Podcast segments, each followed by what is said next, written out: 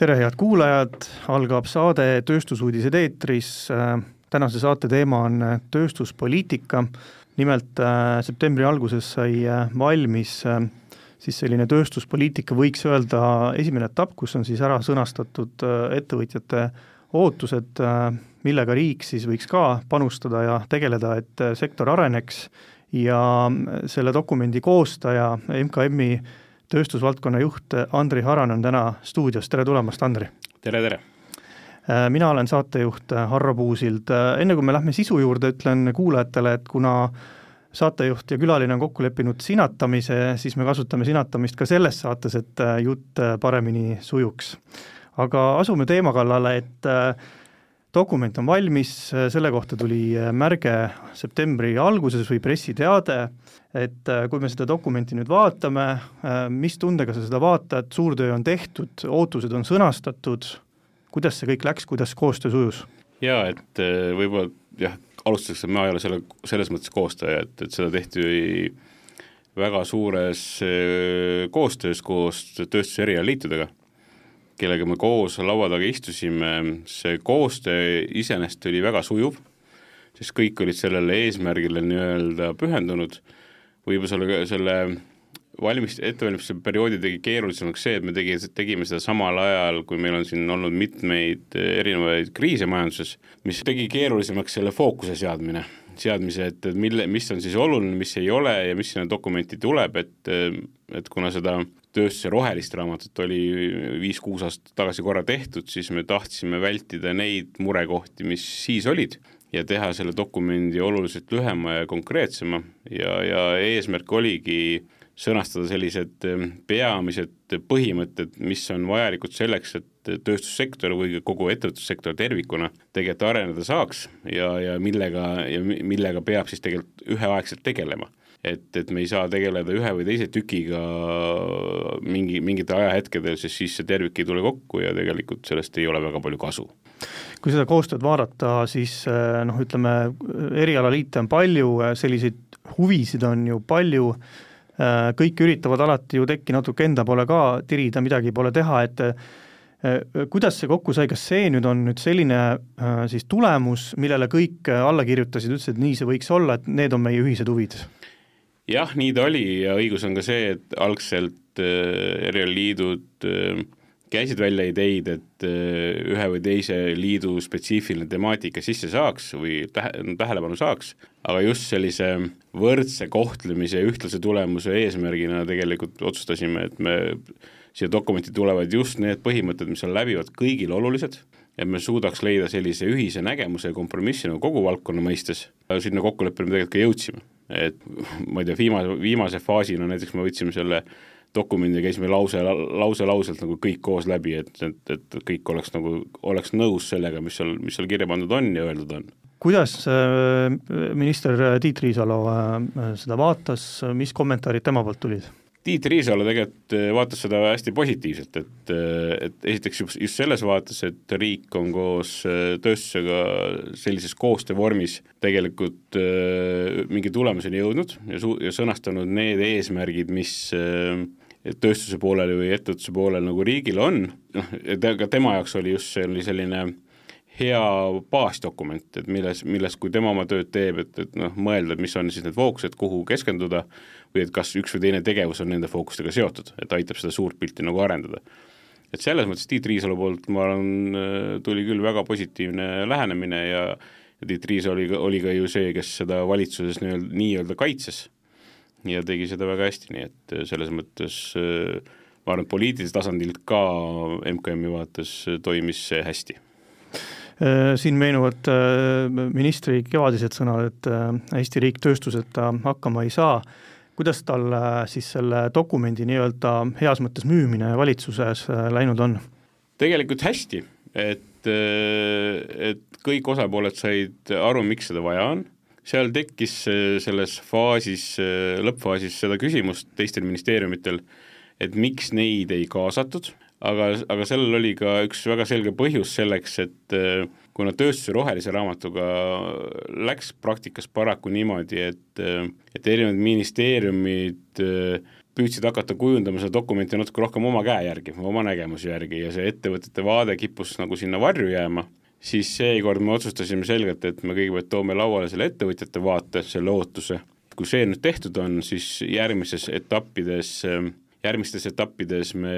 kaasame siis ülejäänud osapooled, kui me hakkame rääkima konkreetsetest tegevustest või eesmärkidest, mis me järgmise aasta-kahe-kolme jooksul nagu teha tahaksime, et neid põhifookuse eesmärke nagu ellu viia. noh, võib-olla näitena ongi, et, et mõni ministeerium tõi välja, et et tegelikult nad oma arengukavas on juba tegelikult mingid asjad kirja pannud,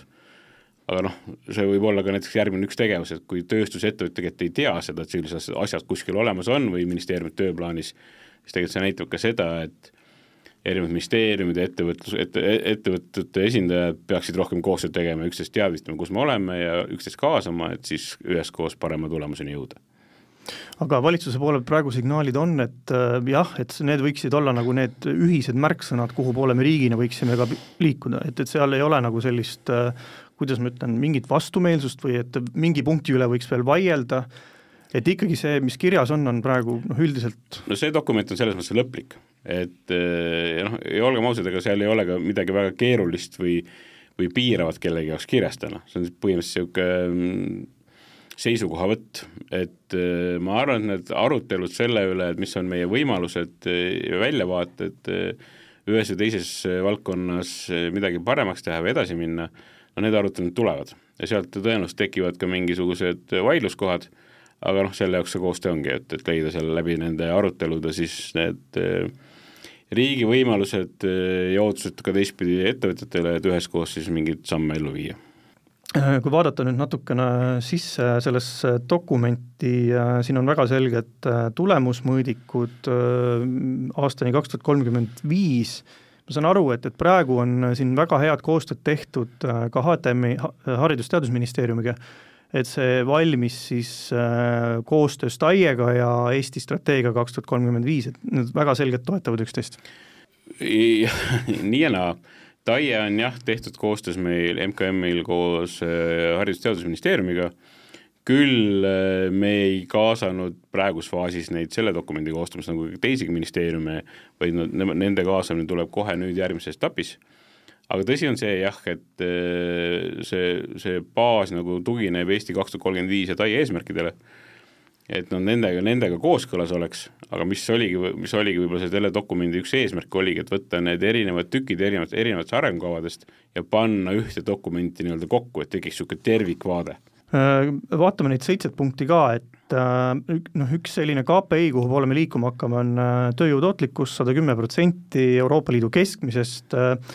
täna me vist oleme seal kuskil kaheksakümne peal, tööstus äh, on madalamal. jaa, tänane viimane seis on äh, tööstuse vaates kuuekümne protsendi juures. Ja noh, ja selleks, et äh, Eesti keskmine saaks tõusta sinna saja kümneni, me oleme teinud sellise noh, kerge analüüsi või vaate, et see tööstuse, tööstuse osakaal peaks tõusma siis seal kaheksa, üle kaheksakümne protsendi Euroopa Liidu keskmisest, siis, siis see toetab selgelt seda üldist, üleüldist, üle-eestilist eesmärki ka et niisugune kolmandiku võrra peaks äh, üles saama, siis on, äh, siis oleme saja kümne nii-öelda kursil. jah, umbes nii. majanduskeskkond on üks selline äh, punkt, millega tuleb tegeleda, siin on selgitatud, et see peab olema konkurentsivõimeline, stabiilne ja, ja sealhulgas siis peavad olema sisendmaksud konkurentsivõimelised ja tagatud siis vajalik infrastruktuur, kui ma võtan selle majanduskeskkonna punkti, siis noh, konkurentsivõime on saanud väga palju kriitikat praegu, et, et, et meil ei olegi kuidas öelda siis, konkurentsieeliseid praegu alles jäänud, sisendid on kõrged, ostame sama kallilt toorainet kui, kui teised riigid ja, ja oleme nii-öelda nagu lõppjaam, et kuidas seda konkurentsi, mida sellega teha annaks praegu ikkagi, et mis need kolm sellist tegevust võiksid olla riigi poolt? noh, konkurentsi vaate, konkurentsivõime vaates jah, me olemegi riigiga jõudnud sinna, et ega, ega meil äh, sellist odavtööjõu odav, odavressursi vaates eeliseid enam ei olegi. küsimus on pigem selles, et kas meie töö kvaliteet, mida me teeme, on äh, samal tasemel või parem kui meie konkurentsiriikidel ja see maksukeskkond, see majanduskeskkond iseenesest tegelikult tähendab seda, et kui me oleme nüüd jõudnud sinna teiste riikidega ühele pulgale või oma konkurentsiriikidega, siis see, siis see tähendab pigem seda, et me peaksime vaatlema ja hindama seda, kuidas meie partneri või konkurentsiringid tegutsevad. milline on nende maksukeskkond, nende soodustused, nende väljundid, et me ei teeks täna väga palju neid samme, mis meid nagu neist väga erinevaks viiks ja meid selles mõttes konkurentsist nagu välja viiks nende, võrreldes nendega. et äh, see on nagu oluline vaade, et me suudaks nagu riigina, ettevõtluskeskkonnana konkurentsis püsida kui äh, mures MKM-is muidu äh, praeguse olukorra üle, kui me vaatame samamoodi neid siis kokkuleppeid, ka eksport on ära mainitud siis selle majanduskeskkonna punkti juures ja kui me vaatame, mis ekspordinumbrid on tegemas, siis seal on, näeme suurt langust, et kuidas seda ekspordi poolt siis Äh, õlga alla panna? jaa, et äh, MKM ise on tegelikult äh, väga mures, sellepärast et me ei näe seda nii-öelda positiivset tõusu täna, et kui need kevadised ennustused, mis ütlesid seda, et sügisel võiks hakata olukord stabi-, stabiliseeruma, siis seda pilti täna ikkagi näha ei ole. Ka ettevõtjad ütlevad, et, et see nii-öelda lootus ei ole iseenesest nagu suures osas täitunud. Ja me jälgime seda pingsalt ja me täna arutame, arutame ka MKM-is äh, neid võimalusi, mis oleks kiiresti võimalik nagu selles mõttes teha, et arutelu all on nii see, et me püüame eksporti, ekspordi vaates nagu ettevõtetele abi pakkuda, et kes ise ei suuda või ei jõua uusi turge otsida, et tegelikult riigil on olemas erinevad kanalid ja võimalused. Ja ka täna e-, e-, Ettevõtluse Innovatsiooni Sihtasutuses on olemas erinevad meetmed mida kasutada saab, et me vaatame nendele otsa, et kas seal annab midagi lihtsamaks, kiiremaks teha ettevõtja jaoks ja, ja, ja natuke soodustada seda ekspordi, ekspordi arengut, ehk siis üks ettevõtja ütles, et need turud tuleb tagasi tuua, et noh, et ja teistpidi me oleme diskussioonis ettevõtjatega, et ettevõtjatega, et mida ja kuidas nagu, mis, mis ja kuidas nende ootus on. Noh, väga palju on tagasi, tagasisidet saanud, ega, et ega siin väga palju tegelikult teha ei ole, lihtsalt olukord on selline. et nüüd, nüüd ja kohe juhtub midagi ja kohe läheb asi paremaks, et majandus ei toimi niimoodi, aga me saame noh, kuna ri-, kui riigil on nüüd pikaaegsed arengukavad ja pikad vaated, kuhu on ka ressurss pandud, siis me saame sinna korra otsa vaadata selles, selles vaates, et kas me saame midagi ümber mängida, ümber suunata, et mis võimalused meil täna üldse selle jaoks on. et minister Riisaloga, Riisalogi plaanib järgmine nädal äh, osade ettevõtjatega kohtuda lihtsalt, et natuke testida seda majanduse, majanduse seisu ja saada sealt mingisuguseid mõtteid, et millega võiks edasi minna kas äh, ütleme, suheldes äh, erinevate ettevõtjatega, on ministeeriumil tekkinud ka mingisugune, kuidas ma ütlen, mingi pilt või baasstsenaarium, et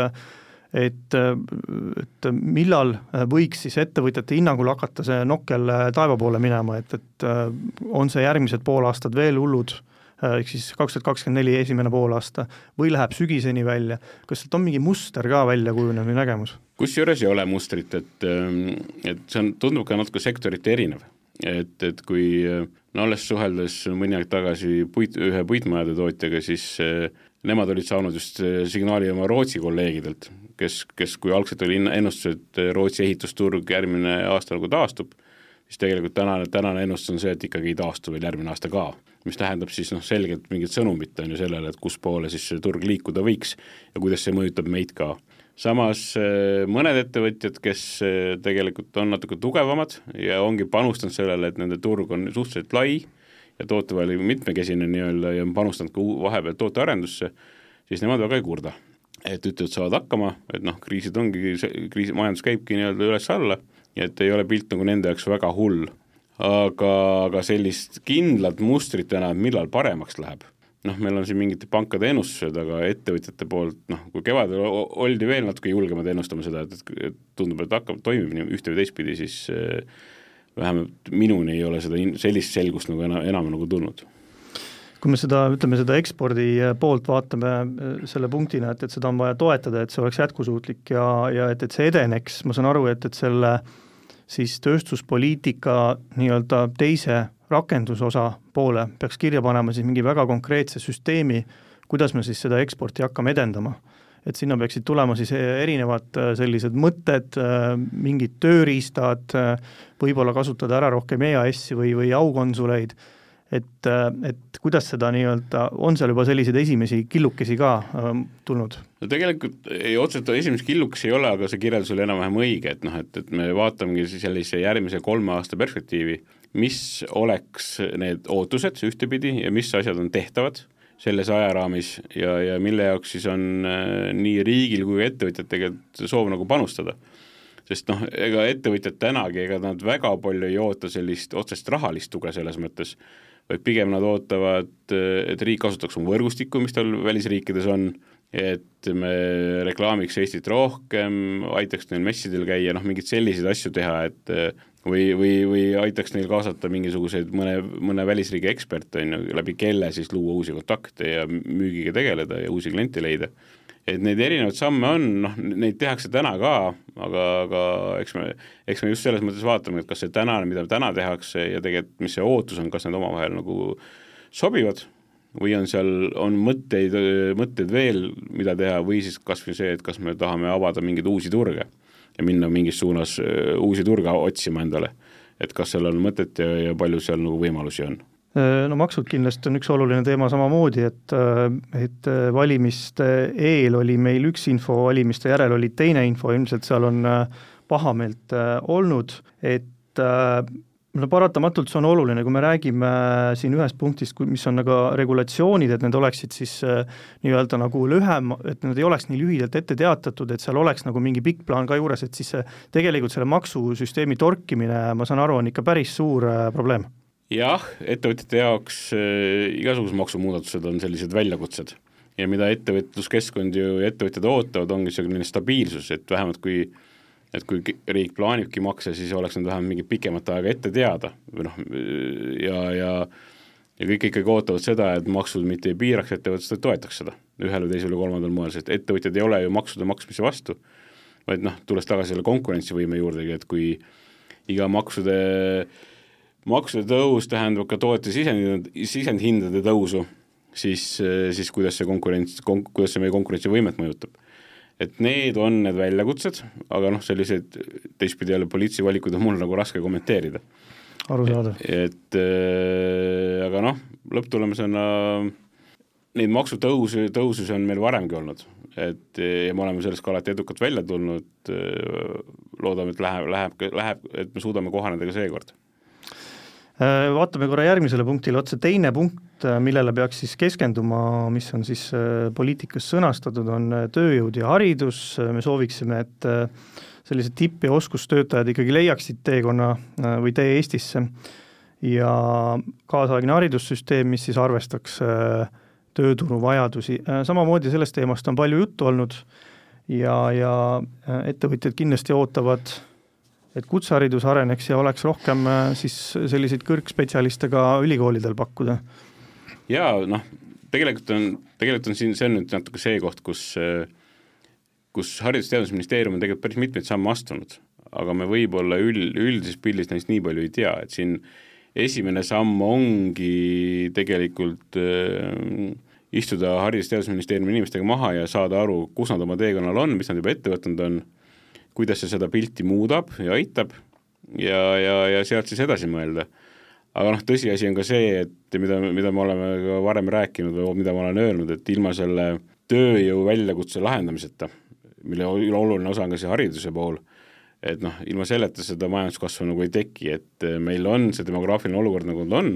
et meil on vaja, inimeste profiilid muutuvad, meil on vaja rohkem oskustöölisi, tipp, tipp, tipposkustega spetsialiste et siin on erinevad võimalused ju tegelikult riigil olemas. küsimus on nendes valikutes, mis me siis lõpuks teeme, et äh, aga noh, et kui panna kõrvuti see soov, see saja kümne protsendi soov, mis meil on, eesmärk ühtepidi, teistpidi ettevõtete enda soov kasvada, investeerida ja jõuda, jõuda kuskile oma eesmärkideni, ja sinna kolmandale kõrvale panna see olemasolev tööjõud, siis noh, siis need lihtsalt omavahel ei, puhtmatemaatiliselt ei sobi sobita kokku kuidagi, et seda tööjõudu lihtsalt on selgelt liiga vähe selle jaoks. ja nüüd on lihtsalt äh, riigi ettevõtjate jaoks tegelikult küsimus, kuidas me selle lahendame, et äh, noh, ümberõppe vaates näiteks on väga paljud ettevõtted ise endale loonud õppekeskused, kuna, kuna nad seda tööturult noh, nii-öelda valmis inimesi nad endale ei saa, siis nad võtavadki tööturul olevad inimesed, kel vähegi mingid eeldused on olemas ja õpetavad nad ise välja, mis on tänapäeval üsna niisugune laialt levinud mudel juba vähegi suurematel ettevõtetel. aga noh, nad ootavad ka täna seda, et nad ei eeldagi seda, et äh, kutsehariduskeskusest tulev õpilane oskaks nende spetsiifilist mingit oskust, vaid pigem nad ootavad seda, et haridussüsteemi tulev inimene omab mingeid baasteadmisi, mille pealt siis ise neid oskusi arendada. et, äh, et see on üks väga oluline punkt, nii tööd ettevõtetele kui tegelikult ka riigile ja, ja ma julgen küll arvata, et me oleme saanud siin nagu esimesed sammud liikuma, kui vahepeal oli natuke tunne, et, et see, et see ei liigu kuskile poole, siis täna küll, et on see teadmine, teadlikkus tekkinud, et siin tuleb tegutseda ja, ja, ja kõik osapooled selle nimel ka vaeva näevad. kui kiiresti edukad me selles oleme, eks seda näitab lähiaeg, lähiaeg noh, siin on, ongi sõnastatud, et tegelikult sellist, vaja on sellist terviklikku tööjõupoliitikat ja ja siis üks selline jalg oleks seal siis või, või ütleme, eraldi peatükk võiks olla siis tööstuse poole peal, et kuidas seda tagama hakata. et ka sealt oleks järelkasvu äh, nii hariduse mõttes kui ka, kui ka ümberõpe, on ju no nii on jah, et mm -hmm. noh, selles mõttes, et meil iga, eks igal majandussektoril on oma, omad ootused, omad vajadused ja, ja, ja, ja neid, seda ressurssi, inimressurssi on täpselt nii palju, kui on, et, et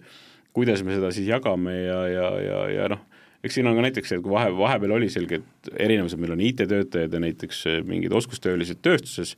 siis täna nad järjest rohkem hakkavad nagu üheks muutuma, et IT-töötajast hakkavad saama tehnoloogiatöötajad ja nendest tavalisest oskustöölist hakkavad saama ka tehnoloogiatöötajad, kes peavad töötama masinatega, seadistama arvuteid, programme ja nii edasi, et need kaks osapoolt hakkavad kokku saama, et see on võib-olla see baas, baas ja algteadmine hakkab niisuguseks ühtsemaks muutuma, mille pealt siis lõplik töö, tööjõud nagu välja kujuneb no üks selline, no ütleme, see järelkasvu teema on hästi oluline punkt, mida on, on paljud maininud, on seesama põhikooliõpilaste nii-öelda nagu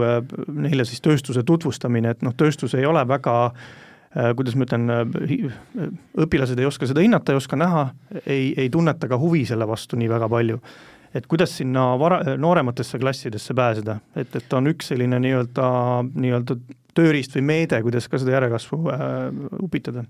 jaa, see noh, eks me, me oleme ise ka tõdenud selles mõttes, et, et gümnaasium on selgelt liiga hilja minna noore inimese juurde rääkima, et ta võiks kas või õppida reaalained või saada väljundi insen-, insenerina või edasi. Et võib-olla see tööstuse promomine iseenesest otseselt ei olegi nii selles mõttes nii oluline kui see, et me äh, populariseerime seda inseneri poolt ja tehnoloogia õppe, õppe poolt, et seal põhikoolis juba tekiks noorel huvi selle valdkonna vastu ja teistpidi, et ta saaks äh, oma põhikooliõppes äh, piisavad teadmised või alus, alu, aluspõhja selle jaoks, et minna neid aineid edasi õppima. sest kui noh, mida me selgelt näeme, et kui põhikoolis on matemaatika, füüsika, keemia tase olnud võib-olla tagasihoidlikum, siis ta lihtsalt ei olegi valmis enam gümnaasiumis minema tehnikaalasid õppima või noh, reaalained eda-, edasi õppima või, või või lõpuks jõuan minema inseneriks. et noh, need väljakutsed on, et, et see baasi ladumine hakkab põhikoolist. ja, ja, ja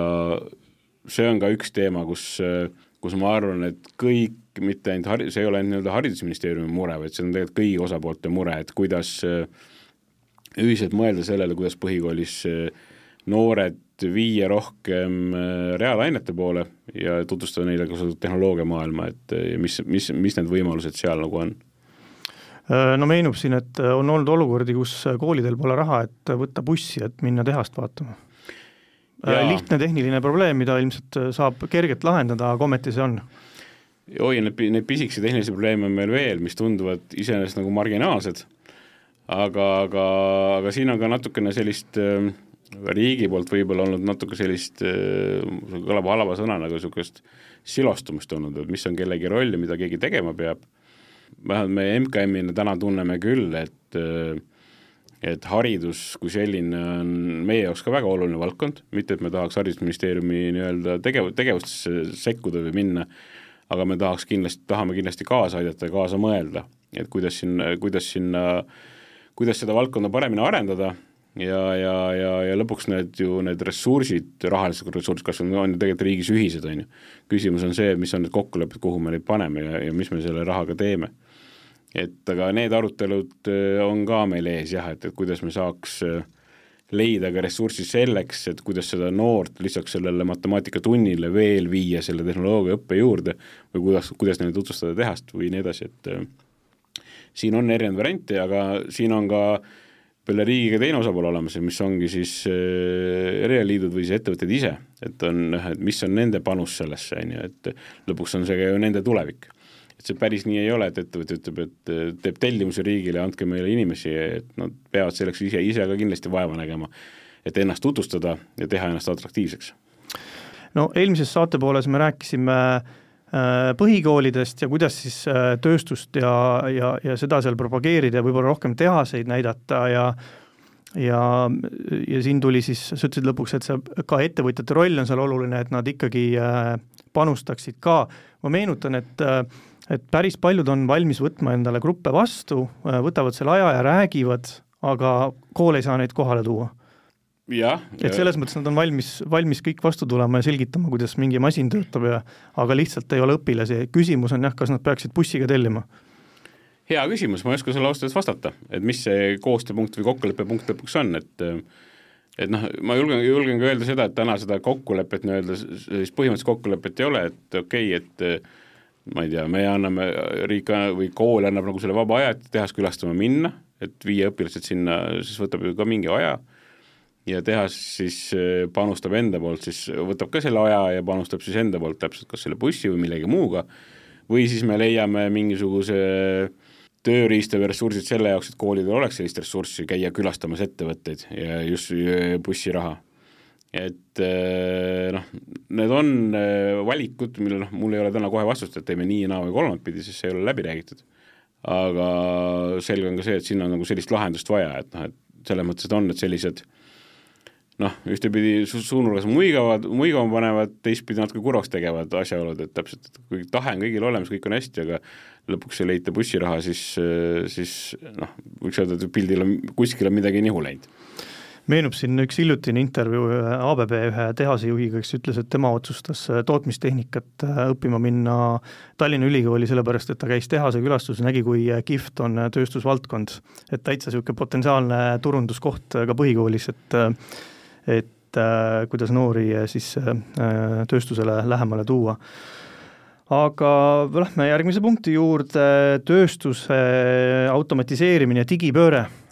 kolmanda punktina väga oluline, mida siis arendada, mismoodi seal siis läbirääkimised käisid, mis seal välja toodi? esiteks meil käis suur vaidlus selle üle, et, et mis asi on digitaliseerimine, et kas see tähendabki nii-öelda IT-programmi või see tähendab, sisaldab ka automatiseerimist ja, ja, ja, ja nii-öelda robotiseerimist tehastes,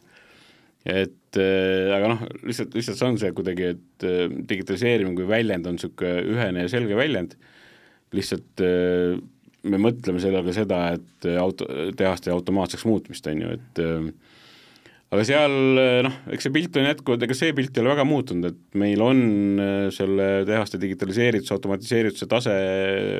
tööstuses jätkuvalt ikkagi madal, selles terves pildis, jah, meil on, ma julgen pakkuda, niisugune top tuhat ettevõtet on tegelikult üsna hästi digitaliseeritud, automatiseeritud, seal saab ka samme paremaks teha, sest tehnoloogia kogu aeg areneb, ja, ja, ja noh, kui me toome paralleeli sellega, et äh, meil on täna olemas ka meede, mis toetab ettevõtete digitaliseerimist, seadmete ostu, õpet, kõike selliseid asju, siis seal me tegelikult ka näeme seda tegelikku pilti, on ju, et kui meil varem oli see oletus, et tõenäoliselt see pilt ei ole nii hea, noh, digitaliseerimise taseme mõttes, siis seal me näeme väga palju ettevõtteid, kes tulevadki, kellel ei olegi varem olnud jaksu või võimalust äh, järgmise samme digitaliseerimises astuda ja, ja vahetavadki välja näiteks oma viieteistaastast ERP-i, kümneaastast keevitusrobotit, noh, mingeid selliseid asju tehakse, ja just selle eesmärgiga, eesmärgiga, et saada rohkem andmeid, siduda IT-süsteemid seadmetega, kiirendada protsessi, tootlikkust ja nii edasi, et noh, et et äh, on näha, et äh, see vajadus täiesti on olemas ja, ja seal on väga-väga palju erinevaid projekte. ühtepidi võib öelda, et digitaliseerimine on niisugune noh,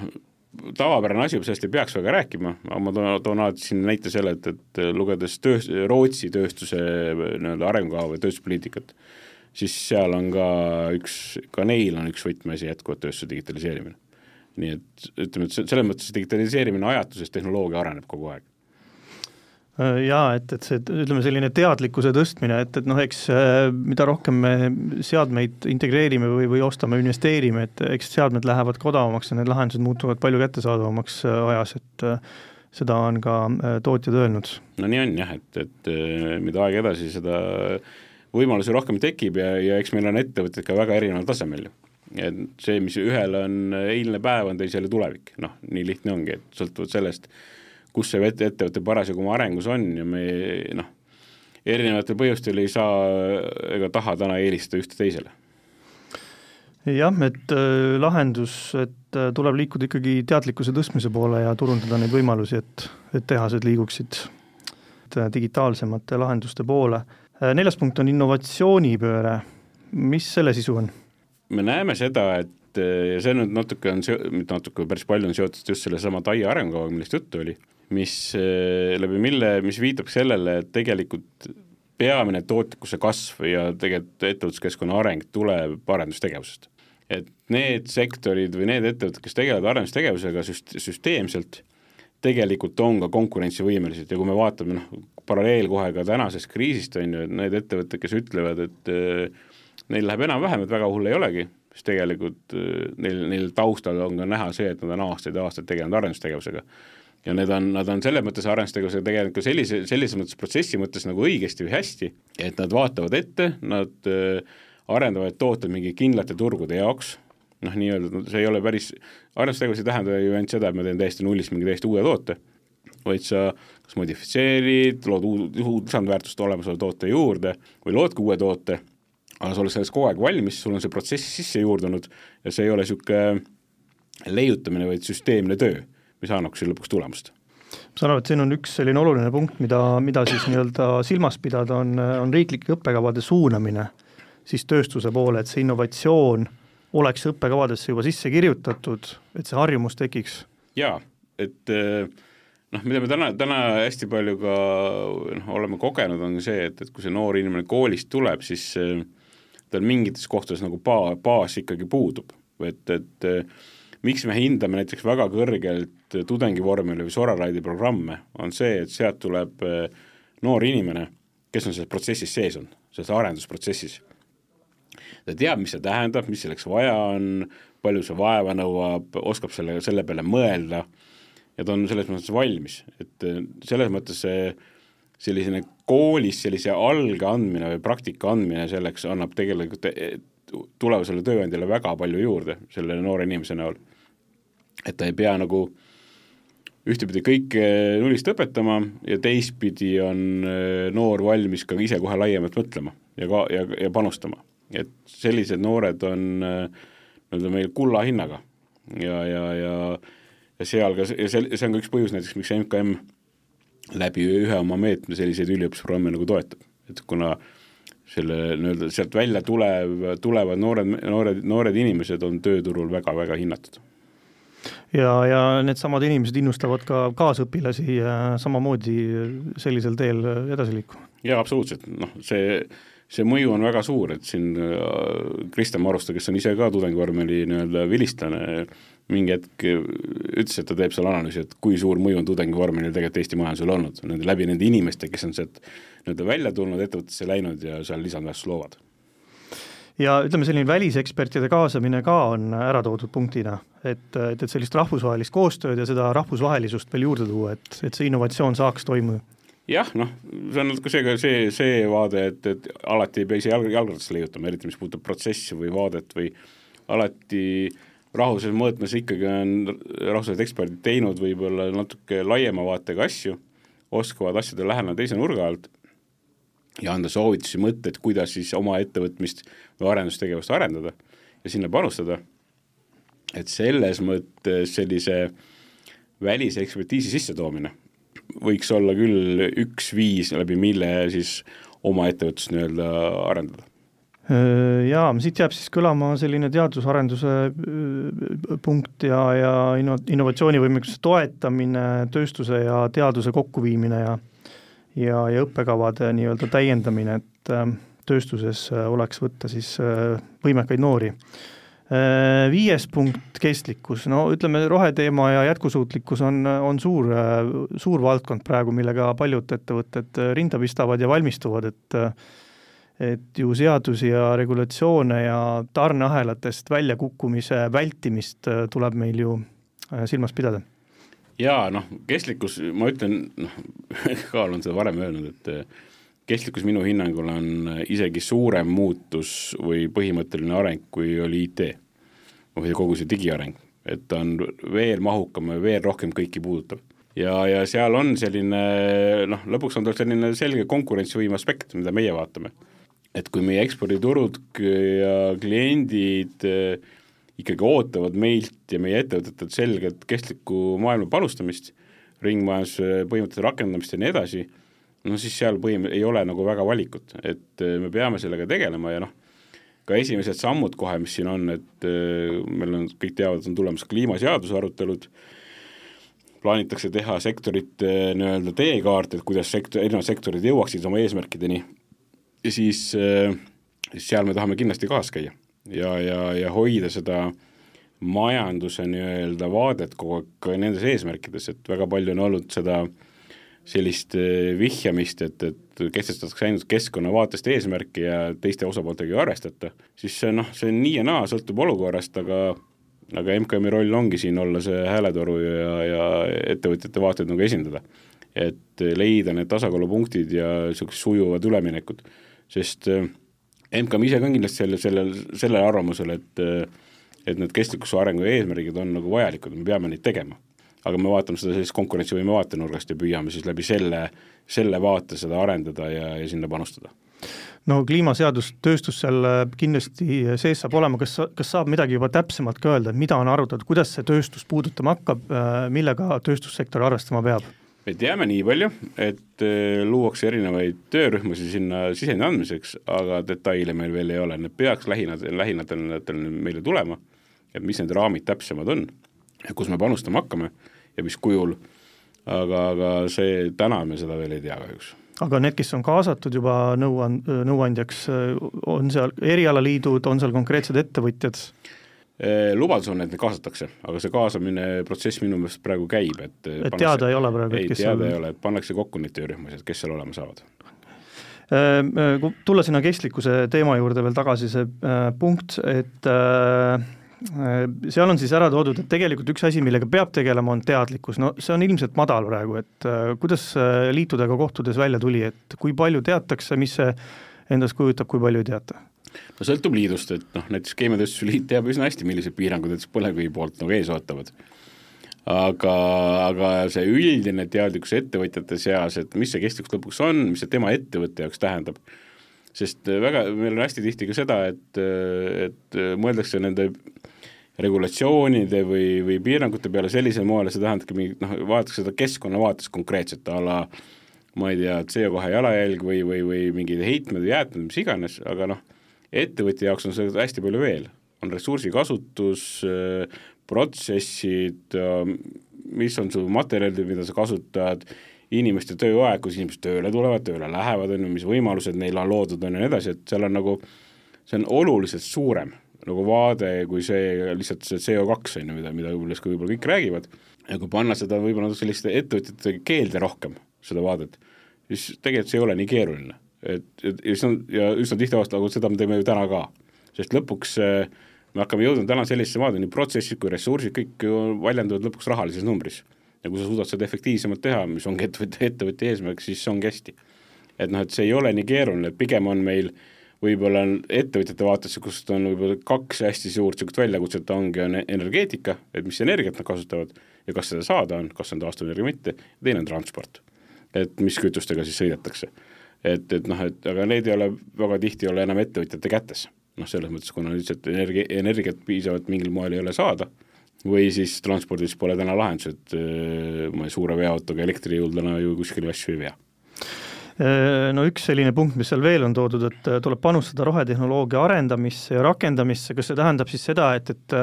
me peaksime rohkem toetama selliseid ettevõtteid projekte, nagu Fibenol täna teeb?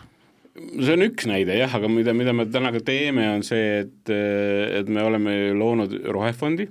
kus äh,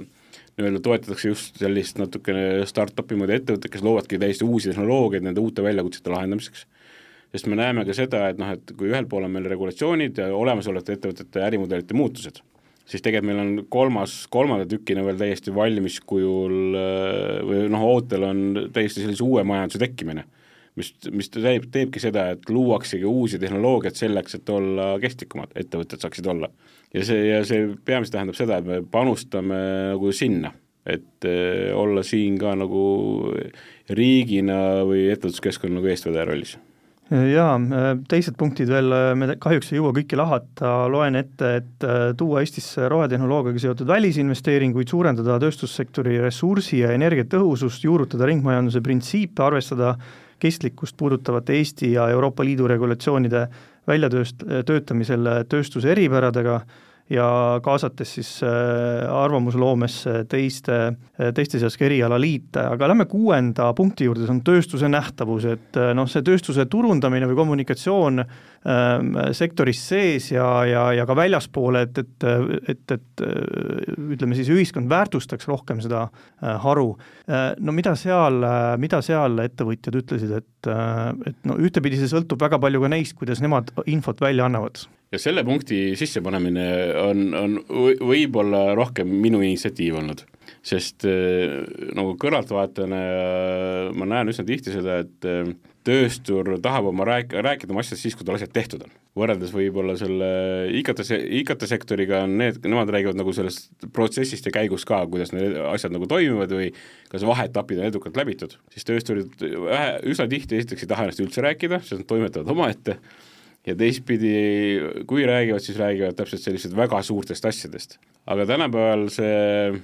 see maailm toimub nagu minu meelest teistmoodi natukene, et sa, et kui sa tahad olla atraktiivne nii klientidele kui ka tööjõule, sa pead olema nähtav. ja seda nii sektori nagu ettevõtjana. et äh, sellist äh, noh, kui me võrdleme sellist äh, ma ei tea, mõne muu, muu, mõne muu sektoriga, et noh, et a la palju näiteks ERR-is näeb äh, tööstust ekraani peal ja palju näeb mingit muud sektorit, siis ma julgen jätkuvalt kohe väita, et tööstus on seal üks viimaste seas, nagu selle ekraani aja poolest, et noh, et siin on meil nagu meie suur töö teha ja teine asi, meil on vaja kummutada müüte. et tööstus on niisugune must, raske, füüsiline, kole ja ebameeldiv, et äh,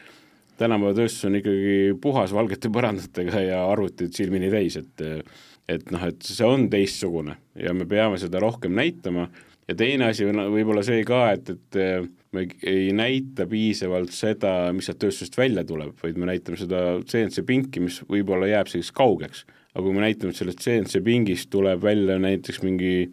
ma ei tea, võidusõiduauto mingisugune oluline detail, on ju, et panustab, sellega suudetakse sellist keerulist asja teha, siis see annab nagu, nagu teise mõõtme sellele. aga mhm. noh, siin on nagu tööd teha Äh, jaa, kommunikatsioon ääretult oluline, et ettevõtted räägiksid ja me paistaksime välja ka äh, väljaspool Eestit, et Eesti tööstust äh, tuntaks. ja viimane punkt on regionaalne ettevõtlus. jaa, ähm, tööstus on selles mõttes Eesti, Eestiga üks suurimaid majandusharusid, et seal on väga palju töötajaid ja, ja väga palju töötajaid, üle saja tuhande tugevalt ja, ja tööstuse kohta öeldakse ju seda ka, et äh, iga tööstuse otsese töökoha, töökoha kaasneb äh, mitu ülejäänud töökohta ka, et me räägime siin kolmsada pluss tuhandest töökohast, mis väga palju paiknevad ka maapiirkondades. ehk siis tööstuse arendamisel on tegelikult ka maapiirkondadel väga suur mõju, et sinna, kus tekib üks ettevõte, sinna ümber tekib ka asula, inimesed, koolid, lasteaiad, äh, seal tahetakse olla ja nii edasi, sest inimestel lõpuks on ju tööd vaja, et kuskil paikneda et selline, et noh, seal on nagu kaks eesmärki, ühtepidi üht, uut tööstust nagu maale, maale viia, regioonidesse viia, teistpidi seda olemasolevat seal hoida. et tagada neile need äh, riigi poolt need võimalikud, ähm, võimalikud vajadused, noh, jõuame tagasi sinna esimese punkti juurde, kus me rääkisime ma ei tea, elekt-, ressurssidest, infrastruktuurist ja, ja energiast näiteks no kõlab ikkagi, et üks selline väga suur keskne, keskne teema on meil äh, haridus ja tööjõud ja selline järelkasvu äh, tekitamine, on seal siis ümberõpe ja on ka noored, kes peaksid peale kasvama, et äh, see nagu on noh, üsna selgelt nagu läbib nagu peaaegu kõiki punkte. nii on, jah. et, et, et ühisnimetaja, ma nimetaks seda, kas me võiks nimetada hariduspöördeks või kuidas seda kõige täpsemini nimetada, mis on siis nende kõigi teiste pöörete eeldus? Ma ei tea, kas, kas ta nüüd hariduspööre on, aga, aga, aga ma arvan, et me peaksime suunama oma fookuse sinna, mis on need alused, on ju, et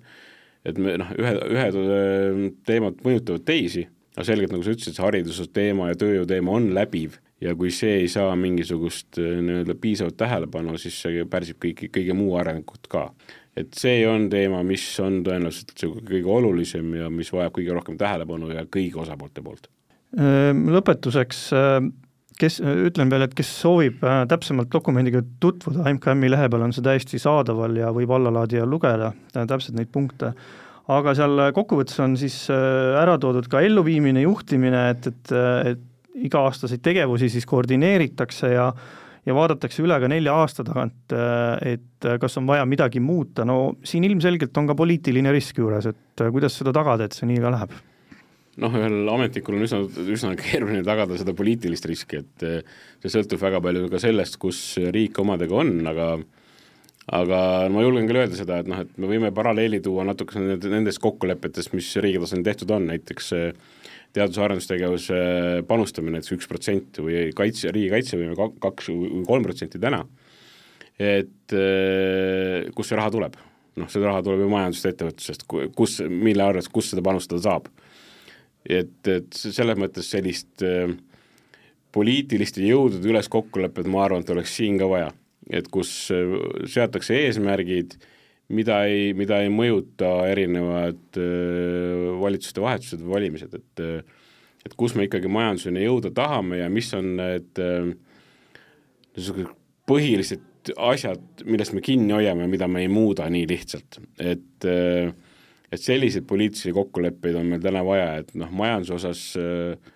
ma julgen väita, et okei okay,, meil on arengukavad olemas, aga selliseid põhimõtteliselt kokkuleppeid, poliitilisi kokkuleppeid meil täna, millest alati räägitakse ja mille peale püüetakse, meil täna ikkagi ei ole.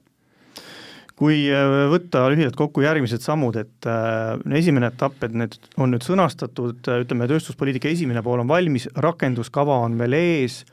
mis see tööplaan seal praegu on, et see hakkab küll valmima, sinna kaasatakse eri osapooli Äh, mis need plaanid on, et kes sinna kaasatakse ja millal midagi valmis peaks olema? Äh, me plaanime panna kokku erinevad töörühmad, et äh, ja seda üsna tempokalt, kaasame siis vastavalt valdkonnale vajalikud osapooled, erialaliidud, tõenäoliselt mõni ettevõtjaid, ministeeriumid, kes selle teema kokku puutuvad või veel mõned allasutused, ja panna kaardid nii-öelda avalikult lauale, et kus me omadega täna oleme võtta arutlusele, et mis võiks olla need järgmiste aastate peamised sammud, mida ära teha, ära jõuda, mis on erinevate osapoolte panused selleks ja need siis kokku leppida, selles mõttes, et eh, noh, ma ei oska täpselt seda öelda, kaua see aega võtab, et eh, ja need võivad tõenäoliselt, ei pruugi jõuda ühel ajal üht, ühte nii-öelda valmis, vaid mõned, äkki mõned töörühmad liiguvad kiiremini, mõned aeglasemalt, kus on rohkem tehtud või asjad pooleli see natuke sõltub sellest, et eh, ja, ja eks see protsess peab selles mõttes jälle põnev olema, et et tõenäoliselt tuleb kõigepealt natukene nii-öelda kohaneda ja, ja ühele lainele saada ja siis saame ka sisulist asju teha. et selline tööpõld kaks-kolm aastat paistab, paistab ees? noh, ma julgeks öelda, et tööstus kui selline ongi selline pikaajaline vaade, pidevalt on seal tegemist, kuna ta on muutumises, aga, aga, aga, aga seda ju peab tegema peame siinkohal äh, kahjuks äh, joone alla tõmbama, Andri, äh, aitäh, et tulid tööstuspoliitikat tutvustama. aitäh kutsumast! ja edu siis rakenduskava elluviimisel ja eestvedamisel! tänud! selline sai seekordne saade, head kuulajad, aitäh, et kuulasite, saadet juhtis Arvo Puusild, järgmine Tööstusuudised eetris saade on kahe nädala pärast